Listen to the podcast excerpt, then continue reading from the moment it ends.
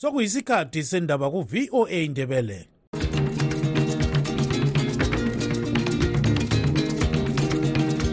amatshono zihlobo siyalamukela kuhlelo lwethu lwezindaba eziphathelane lezimbabwe kustudio 7 eya voice of america sisakaza sisewashington dc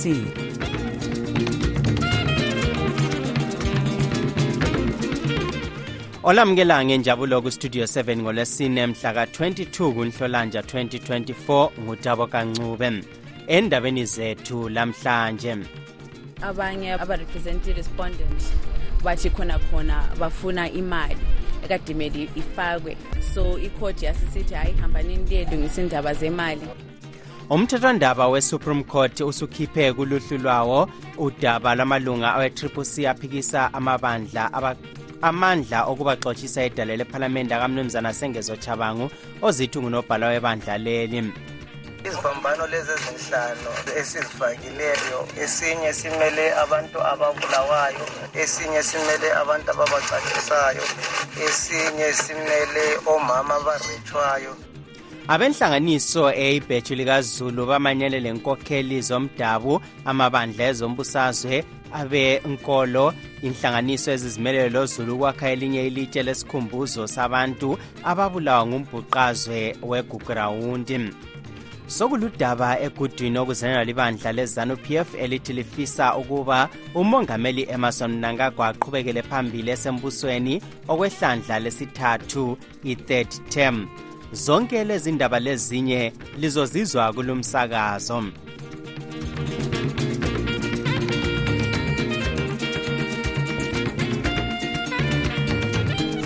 Umthethwandaba waphezulu owe-supreme court usukhiphe kuluhlu lwawo udaba lwamalunga ebandla le-triple c aphikisa amandla okubaxotshisa edale lephalamende akamnumzana sengezo chabangu ozithi ungunobhala webandla leli. Lokhu kwenzakala ngemva kokuba amalunga la ehluleke ukubhadala imali efika inkulungwane ezinhlanu 5000 dollars edingakalayo ukuthi lwahlulele lolu daba kulumthethwandaba kubika umlondolozi ndlovu. Udaba lolu luza ngemva kokuba umahluli we-high court ujustice munamato mtebetsi wanquma ukuba uchabango wayelemvumo yokuxhotshisa amalunga e-ccc edale lephalamende lokhu kwenza ukuthi amalunga la alufake e-supreme court bephikisa ukuxotshiswa kwabo besithi kabamazi uchabangu. Kodwa udaba lolu kalusathoniswanga namuhla ngoba abahluleli ujustice elizabeth gwawunza ujustice antioneta gubaba lojustice alpheus chitakunye bathe idale labo kalizange lithole inhlawulo efunakalayo. Elinye lamagqwetha amela uchabangu umnumzana nqobani sithole uthi amalunga awe-ccc azikhanzinge ngamafutha abo. Lokhu ezidinda ndawonye. Kodwa igqwetha elimela amalunga ebandla le-ccc unkosikazi amanda ndlovu uthi kwaba lokuphazamiseka kwendlela amagqwetha lawa akhweza ngayo udaba lolu. Abanye abarepresentative respondent bathi khona khona bafuna imali ekadimele ifakwe. So ikhodi yasisithi hayi hambanini liyelungisa indaba zemali unkosikazi ndlovu uqhubeke sithi sebezamelela lokho okuzacelwa ngamalunga e-ccc lokhu ukusekelwe ngumnumzana jameson timber okhokhela elinye icele le-ccc okuphume edale leli kutsho ukuba lokhu kumisiwe ukuxotshiswa kwamalunga ephalamende udaba lolu luze lulungisiswe yimthethwandaba yaphezulu.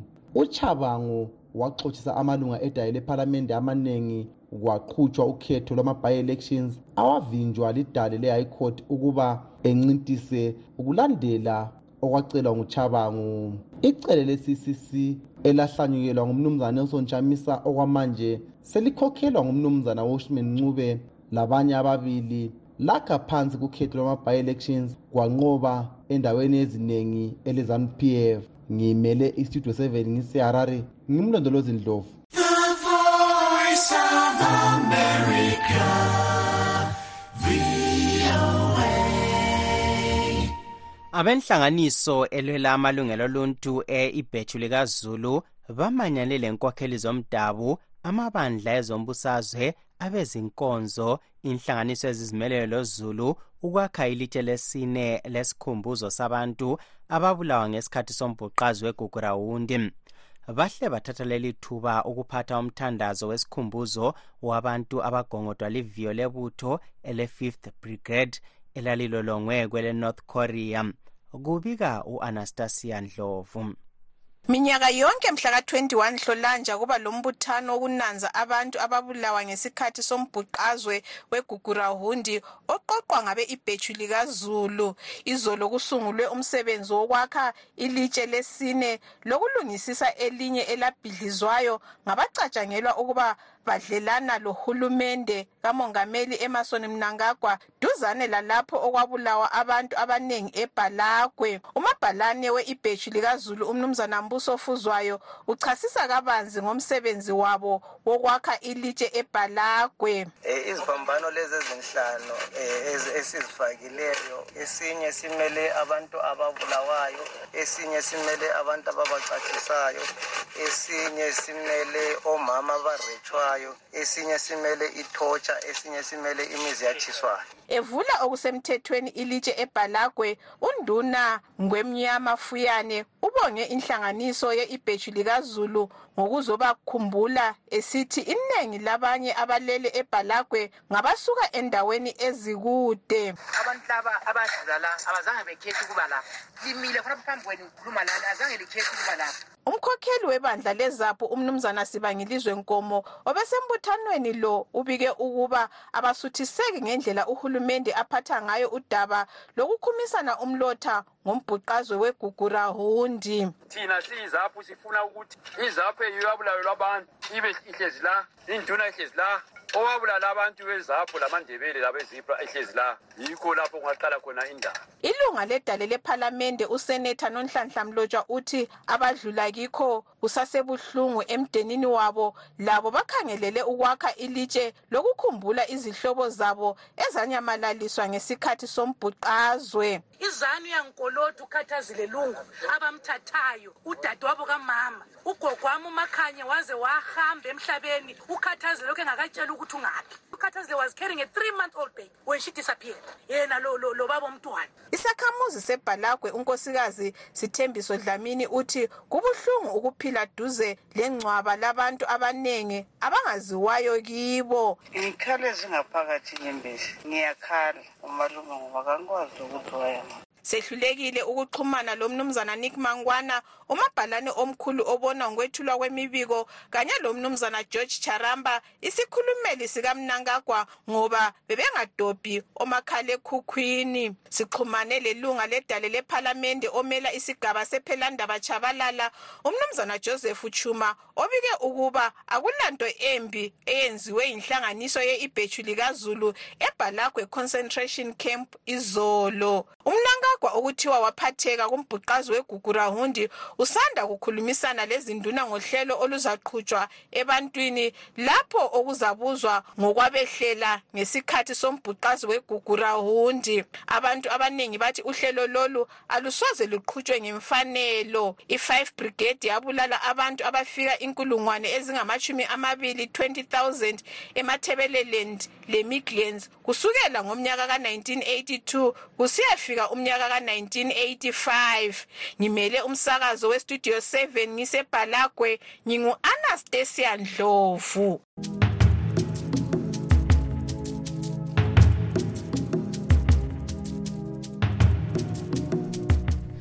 Kule nkampani yakwele china esebenzela ezimbabwe ehlawuliswe ifayindi yamadola asemelika angamakhulu ayisikhombisa i-700 dollars ngumthethwandaba ngemva kokwethesa icala lokusebenzisa amagagasi okuxhumana ebulanjini be-intanethi awenkampani ye-starlink.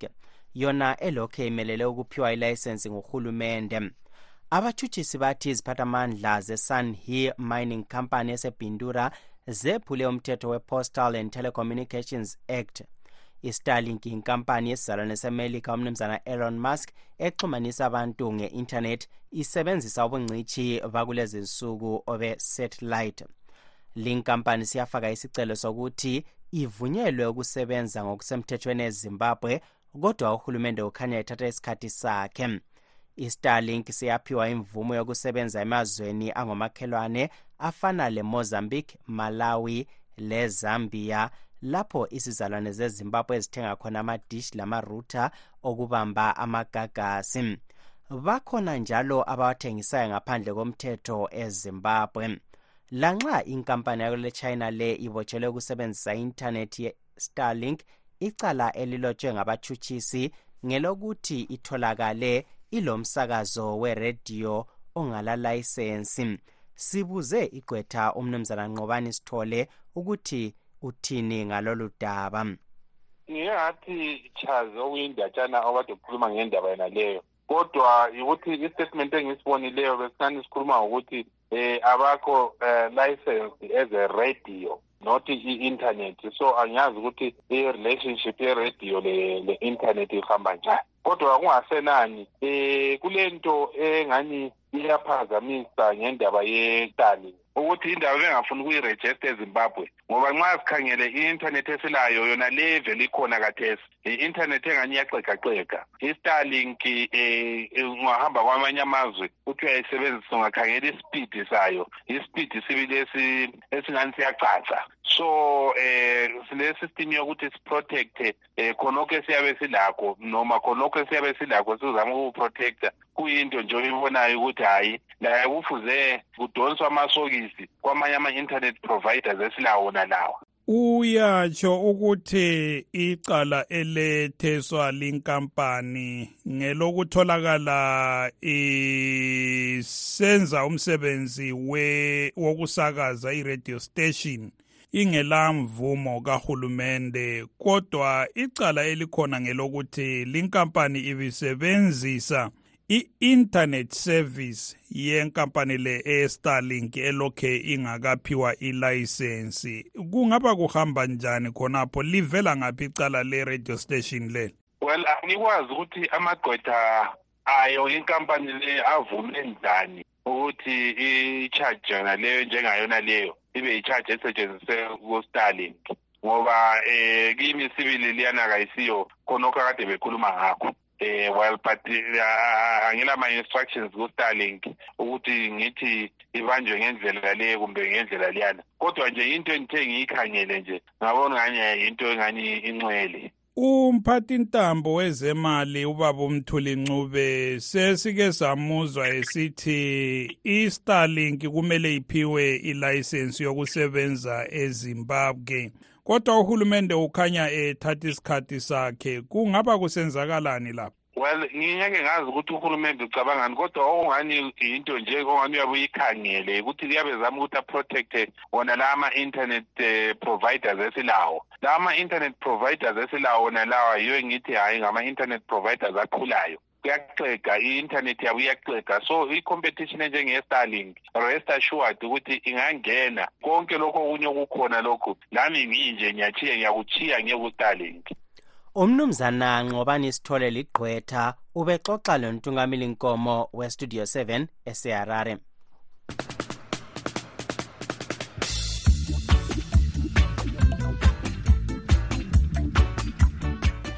umongameli mohwetsi masisi udla amalahle ngemva kokuba amalunga edale lephalamende yelizwe lakhe esole imizamo yokuthi abezimbabwe bangene kwelebotswana besebenzisa izithupha hatshi ingwalo zamapasipoti intathelizindaba yestudio 7 umqondisi dube usipha lolu daba esehabron kwelebotswana. Eh khuluma idale lephalamende ngolwesibili uMasisi uthe kuyayangisa okwenziwa amalunga edale leli ngoba ikhanela phansi ilizwe kanye labantu beZimbabwe. Lokhu kuza ngesikhathi uMasisi ebhekane lamalunga edale lephalamende. Okwakuqala lokho kwakhulunywa ngemizamo yokuthi kubekwe eceleni kusetshenziswa kwengwalo zamapassport ezalwane zakwele Zimbabwe leleBotswana nyakenye. Ubezonde egwane unwabu uMasisi edale lephalamende. e rile ha re le ba ga ise se ke dingwe gantsi hela ka gore ke ma zimbabwe la ba kgetholola la ba silohlelo olufanayo lelenamibhiya kodwa lizange litsho lutho. Lingabi lenzondo lobandlululo ngenxa yokuthi ngabantu bezimbabwe. Siyakwazi ukuthi iningi lenu khonapha liqhatshe abezimbabwe okungekho emthethweni umasisi ugcizelele ukuthi inhloso yokumisa kokusetshenziswa kwamapasipoti yikukhuthaza ukuthi abezimbabwe bangene ebotswana okusemthethweni ngoba kusaziwa ukuthi kibo ukuthola ugwalo lwepasipoti kunzima njalo kuyadula. Umasisi okhulume kabanzi phezu kwalolu daba etshengisela ukufuthelana uthi abantu bebotswana kumele belahle umkhuba wabo wokukhangelela phansi abantu bezimbabwe e o ka tswa o sa ba batle e tla re o sena go tsena mo pusong ga o ka tsena o tla ba koba. Mme ebile bontsi ba lona le rutilwe ke mazimbabwe le rutilwe ke mazimbabwe. Uma lingabafuni lizabaxotsha lina uma lingangena embusweni. Abanye benu khonapha bafundiswa ngabantu bezimbabwe njalo balezihlobo ezimbabwe kodwa khathesi selibambuluzela lizenza abangcono. Omele idolobho le-francis town edale lephalamende umnumzana winter mulutsi nguye othinte isilugu sabonlovu ngokuthi kungani umasisi egijimisa ukuthi abantu bezimbabwe bengene obuningi ngokususa ukusetshenziswa kwengwalo zamapassport. Umulutsi uthe uma uhlelo lolu lungaphumelela kutsho ukuba uhulumende wakwelebotswana usezanakelela kakhulu izizalwane zamazwe amabili esitsho egoqela lele zimbabwe a budgete jaaka e ntse yana a mme um tautona e ta re lekana. Ngikhathazekile ngoba imali ephuma esikhwameni sikahulumende ayingeke yasenela thina labantu bezimbabwe ngoba bezacwala lapha. Kodwa abanye abezimbabwe kwelebotswana abafana lomnumzana cosmas sibanda bancoma amasisi ngokuma ngakufisayo besithi abaluphikisayo lolu hlelo kumele bancibilike. Uyazama umongameli umasisi khona aza lakho kungumkhumbulo omuhle. Udaba lwezimbabwe yilo olusegudwini lufike edale lephalamende ebotswana isikhathi indlule phakathi kokuhlaziya ukwabiwa kwemali yesizwe eye-national budget yomnyaka ka-2024-2025 noma nje kulabanye abaphikisa lolu hlelo lokusebenzisa izithupha konke kukhomba ukuthi luzaphumelela ngoba lufuqwa kumahhovisi amazwe omabili aphezulu okugoqela umongameli emerson mnangagwa kanye lomasisi ngingumqondisi dube owendaba zestudio 7 ngisabron kwele botswana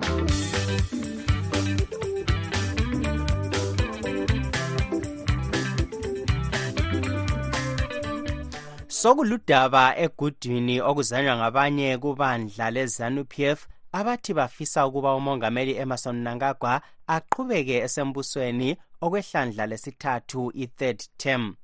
Isekelo sombuso welizwe siphawula ukuba umongameli engabusa okweminyaka elithumi kumele engavunyelwa ukuncintisa kolunye ukhetho. Kodwa abezanu-pf bakhanya befuna ukuguqula konke lokhu babisele umnankagwa esikhundleni aze aye kugoqanyawo abacubungule zemithetho abazimeleyo bathi izanu-pf ilakho ukuguqula iziqondiso zesisekelo sombuso welizwe ezivimba umnankagwa ukuncintisa kodwa ibandla elibusayo libikwa lilakho ukusebenzisa iphalamende ukuguqula iziqondiso lezi ngoba lilamalunga amaningi edaleleli kodwa kungani kalilabantu abeneleyo edale lesenate isekelo sombuso sikubeka sobala njalo ukuba kumele kwenziwe ireferendum ukuze kuguqulwe isekelo sombuso welizwe. Konke lokhu kusezandleni zebandla lezanu-pf ukuhlaziya lolu daba ugibbs dube westudio 7 uxoxa lomnumzana malaki nkomo ilunga lebandla lezanu-pf lomnumzana nhlanhla moses ncube unobhala jikelelo enhlanganiso ye-freedom alliance. Unkomo usungula lolu daba kumele ikhulunywe ngabanye abakubandla beziphoqela ngoba ade besemhlanganweni wethu webandla le-zanup f yikuzikhulumela lokhuyana. Kodwa phela uma labo kule ndlela abayibonayo ukuthi nangu umongameli ukhokhela ngendlela enhle labo bengamalunga ebandla balemvumo layo ukuthi batsho ukuthi hayi madoda likubona njani ukuthi umongameli ngendlela adonsa ngayo um adonse afike lapha kumbe uma i-constitution yethu isivumela iyamvumela ukuthi simfake lapha? Asilocala leliyana. Anti lo ngibona kodwa kubandla lezanuphefa awukahlalwa phansi ukuthi singathi sokukhulunywa ngakho into esesingaxoxa ngayo. Yinto nje abantu abazi-expresselayo kodwa sibuye siyithathe ukuthi nxa abantu bebandla lezanuphefa bekubona ukuthi kuqakathekile ukuthi kube ngaleyo ndlela akulanto ebavimbelayo ngoba nxa i-constitution ibavumela kufanele bakwenze. Khonapho-ke baba nkomo siyakuzwa kakhulu. Siye kubaba uncube ncube uyamuzwa uyakhuluma lapha. Kodwa siyakwazi ukuthi vele kungaqala abatsha besithi um umongameli bamfuna. Ilizwe lonke liyaqa kuyakhankasa ukuthi hhayi lathi siyamsekela. Kuqhubeke kunjalo. Igcine buyela futhi nalithini ngakhonokho lokhu kungumhlolo kodwa ongamangalisiyo babudube inyoka iyatshengisa ukuthi ikhasi layo lelebili kuyongelinjani ikhipha ibuyela khona pana kumgabi umgabi ukhitshwa nje ngendlela efana layo naleyo njalo ethunywa njengoba sibezwa bekhuluma laba abakhulumileyo ayiqali inkulumo le babudube bayathunywa labana bona babatsha kuthiwe hambani liye kuthi. Bebesenza njalo kumgabe um kuthiwe hhayi kuthiwe umama lobaba kabangene babe yizikhundla. Yakhumbula ugrace mgabe esiba ngowe-womens league oba ngumkhokheli. Yinto vele eyezanu bathunyiwe bona bana bana njalo bazancintisana um lo lalo efuna ukuthi kuthiwe lami ngikhonapho. Bese ngisiza ubaba udube eh ubaba unkomo kanti umuntu esikhundleni uphuma ngoba ezondwa kumbe uphuma ngoba isikhathi sakhe sesifikile iyekelani baba unkomo ukwenza izinto ngendlela erong lenza engathi liyalungisa izinto zenezi ezokubusa um likhiphe umgabe kodwa lihamba ngenyathelo likamgabe lolana okuyinto embi kakhulu ezilayo. Lingabantu abadala yenzanini indlela into ngendlela eqondileyo obaba umohathi ngabantu abadala laba ngeke bayekhuluma ixoxo kaligijimi nje egumeni kungela nto ekhona. Kukhona okukhona okubi elizama ukukupheka ye yes ubamba umlomo babankomo hhayi lapho ungani kuyaphosa nzima um ubaba uncube. Ye ubaba uncube into engamtshela naye ukuthi baba ncube isililo sakoncube asikhalwa konkomo lapha sikhuluma thina izinto zethu njenge-zanu p f ezibonakalwa zifunwa ngabantu be-zanu p f. Hayi khona ezifunwa i-freedom alliance kumbe ubani. Thina i-constitution yethu nxa isivumela thina asibuzi komunye umuntu. Sibuzana singama-comrades ukuthi lapha sikubona njani.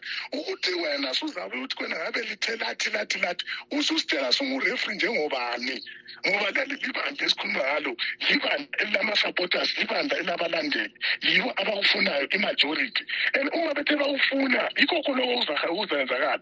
Singatshelwanga ngubani ukuthi yenzani kanje? Thina f ama-members yitho okufanele sivumelane kukho. Kodwa omunye umuntu uma ungasiwo wethu wena ungakuzwisisi ukuthi ukuhamba njani awufananga ukuhluphe ikwenza ukuthi isililo sakoncube masingakhalwa konkomo. Ngincube? Nanti udaba. Ye ye kuyadanisa kakhulu ukuzwa eh abantu bekhuluma njengobaba unkomo into angayinanzeleli ubaba unkomo yikuthi njengoba ekhuluma ngokuthi sililo ngesakozanu ayisiso eh sako Freedom Alliance.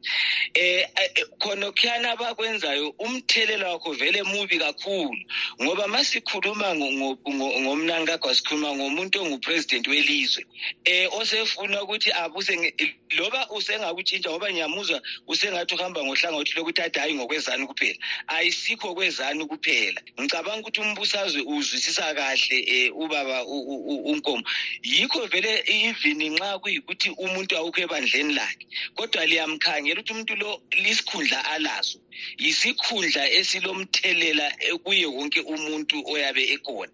So into le abayenzayo loba bengayitshintsha abathi bathi kuzanu then ozabe esiba ngupresident welizwe esezanu khona ukuzanu phana abe sedonswa ngamatomu yini edonswa ngumnangaba akuvumi khonokho kwintoloko ku-twenty mm, mm. seventeen ubesenzelwayo Eh ngomunye umbuzo omkhulu walo nxa kufuneka izinto zenzakale ngendlela naleyana ezazenzakala ngayo?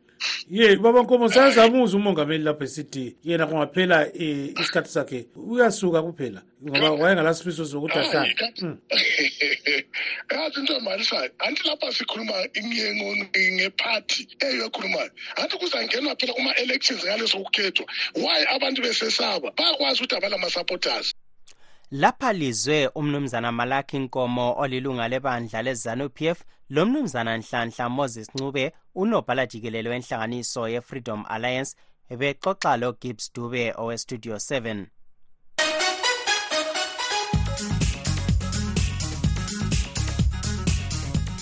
lanxa sekusele insuku ezinlutshwana ukuthi uhulumende wemelika avalwe ngenxa yokungavumelani kwamalunga amabandla ezombusazwe amadalo amabili awephalamende ele-the house lele-senate alokhu ekukhefu.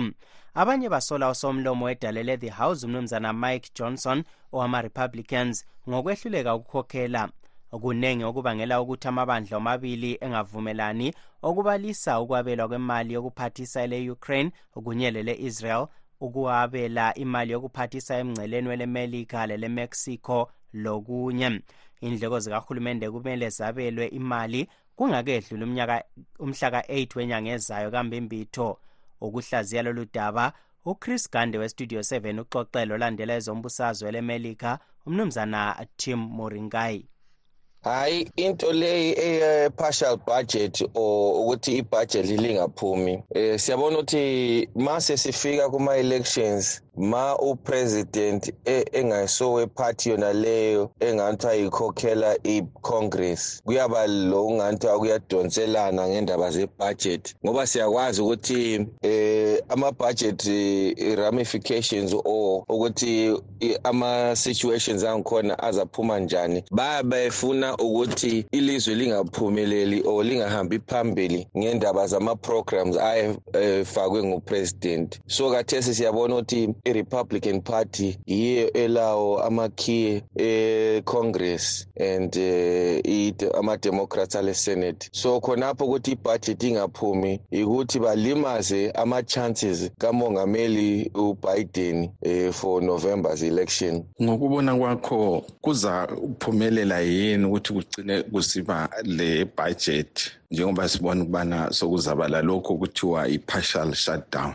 Eh i-republican party ayisiso i-republican party leyani eseyaziyo yakudala ama-principles lani le isiyiphathi katrump. So khonokho kufuneka ngotrump konke kwabakwenzayo siyabona ukuthi eh uchairperson or uchairlady we-republican committee ema-elections eh laye wachiya isihlalo ngendaba zona lezi ukuthi wayengafuni ukuyenza khona okwakufunwa ngubaba utrump. Eh ukuthi i-partial shutdown lay eh izaba a very big distraction ngendaba zema-economic results. Because siyakwazi ukuthi okwakathesi ama-economy ye-america inganthiwa isi-on the recovery um bakhuluma nge-stock exchange eh le-S&P lani lani lama-economic indicators le-unemployment esifike duzane kwabo 3 percent khonapho. Um umongameli biden engena yayichaya kuma-10 percent. So khonokho yikho nganthiwa sokuncedisa ukuba le-re-election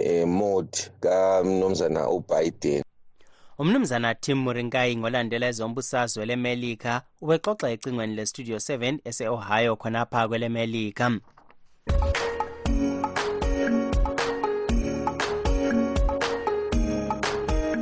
Okwamanje wothi sizwe imbono yabanye benu linabalaleli be-studio 7 estudio 7 salibonani livuka njani labalaleli? Abalandeli bakachamisa babonisa obala ukuthi bona vele bangahambela uchaba enyangeni bayomthakatha. Sebe ethangathi ngabathakathi abalandeli bakachamisa okwamanje uchamisa uyedwa akalatenda ibithi welshman ncube job scala. Kanti laba kade bekhala ngokuthi job scala job scala bangaphi? Eh angithi liyakubona uyabona-ke ukuthi ujob scala uthe ma eziphumele ejele wahlukana lochamisa ngoba uyabona ukuthi uchamisa kalangqo hhayi abasalandela uchamisa angazi ukuthi umdlwane uzothungulula nini ngiyabona eh studio seven salibonani salibonani basakazi salibonani basakazi. Nguncube okhulumayo gerald obuya esigodini ezimbabwe eh into engiyibonayo mina ukuthi uchamisa la ayakhona as long as engasoze ayenze eh icongress kulelo bandla azaliqala. Ayikho into azayenza azafika ama-elections lo mnyaka eh kuzaba i-same thing uchamisa kumele ayenze icongress eh iphathi ibe lama labo ngabanye babalaleli bestudio 7 besipha imibono yabo. Lingakhohlwa luyalandela uhlelo lwe-live talk. Namhlanje kuhlelo asiyihluzeni bomama. Sixoxa labesifazana ukuzwa imibono yabo ngenhlelo zokuthontisela abantwana umuthi wokuvikela umkhuhlane wepolio osungulwe elizweni ngayena liviki singakehlukahli wothi sizwe ezinye zendaba ebezikhokhela.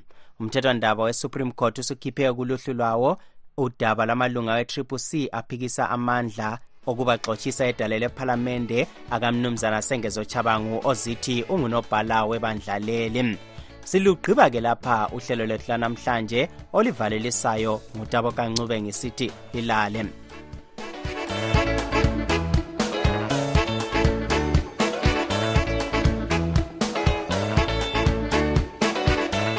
siyalibonga ngokulalela kwenu. Asibeke ithuba elifanayo kusasa kustudio 7 kusukela ngo-half past 7 kusiya ku-8 o'clock ntambama kuhlelo lwezindaba zezimbabwe. Tinotenda nekuteerera chirongwa chedu. Teererai zvakare mangwana kubva na7 p m kusvika na730 p m. Apo tinokupai nhau muririmi rweshona. Lilani. Murara zvakanaka mhuri yezimbabwe